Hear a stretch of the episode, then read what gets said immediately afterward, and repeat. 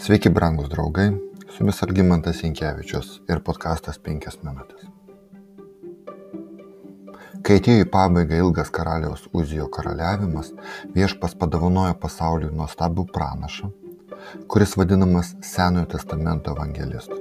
Pranašas, tarnavęs daugiau kaip pusę amžiaus tarnystėje, pranašas vardu Izaijas. Pažiūrėkime, kaip pats Izaijas apibūdina savo pašaukimo patirtį. Karaliaus Uzijo mirties metais regėjau viešpatį sėdinti aukštame ir didingame soste. Šventykla buvo pripildęs jo apdaras, aplink stovėjo tarnauti pasirengę serafai. Kiekvienas turėjo šešis sparnus, dviem dengė veidus, dviem kojas ir dviem plosnojo ore. Šventas, šventas, šventas yra galybių viešpats. Visa žemė pilna jo šlovės. Šaukė jie nepaliaudami vienas kitam. Nuo jų šauksmo drebėjo durų staktos ir šventikla prisipildė dūmų. O aš tariau savo. Vargas man, nes esu žuvęs. Aš žmogus, kurio lūpos suteptos. Gyvenu tautoje, kurios lūpos suteptos. Ir savo akimis regiu karalių galybių viešpatį. Tuomet vienas iš serafų priskrido prie manęs, laikydamas rankoje žiūrojančią žaryją, kurią buvo paėmę žnyplėmis nuo aukro. Jis palėtė jie mano burną. Žiūrėk, tarė jis, žaryje palėtęs tavo lūpas. Žarė palėtė tavo lūpas, tavo kaltė panaikinta ir tavo nuodėmė nuvalyta. Tada išgirdau viešpatės balsą. Ką man siūsti? Kasgi bus mūsų pasiuntinys? O aš atsiliepiau. Štai aš, siūsk mane.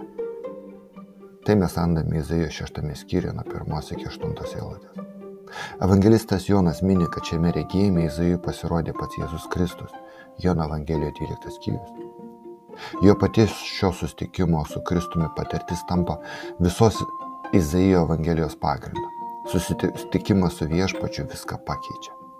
Izaijas atsidūręs viešpatės akivaizdoje patiria didžiulį jaudulį. Jis iškart sužino, kad jo paties burnos nešvarumus trukdo jam prisijungti prie serafimų šlovinimo ir patekti į Dievo akivaizdą.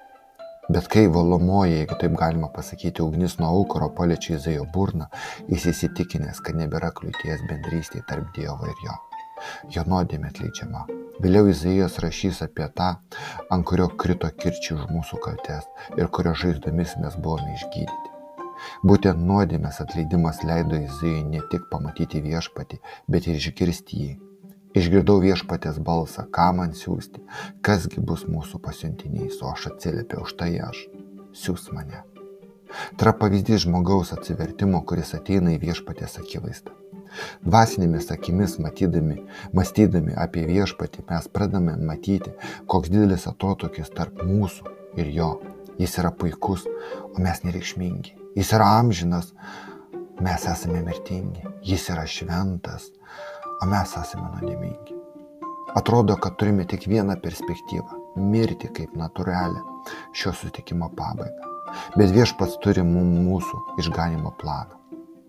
Jėzus Kristus nukryžiuotas už viso pasaulio nusikaltimus. Jis jau sumokėjo už mūsų nuodėmę. Mūsų atgaila veda mus į susitaikinimą su Dievu. Jonas rašo, Jeigu išpažįstame savo nuodėmės, jis ištikimas ir teisingas, kad atleistų mums nuodėmės ir apvalytų mus nuo visų nedarybių. Pirmas Jono laiškas, pirmas skyrius. Atgailaujantis nusidėjėlis Dievo akivaizdoje išteisinamas ne savo, o Kristaus teisumu.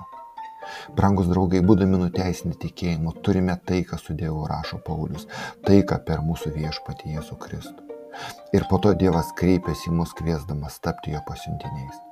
Apaštalas Petras tai turėjo menyje sakydamas, kad išgelbėtojų pašaukimas yra išgarsinti šlovingus darbus to, kuris pašaukė juos iš tamsybių į savo nuostabę šviesą.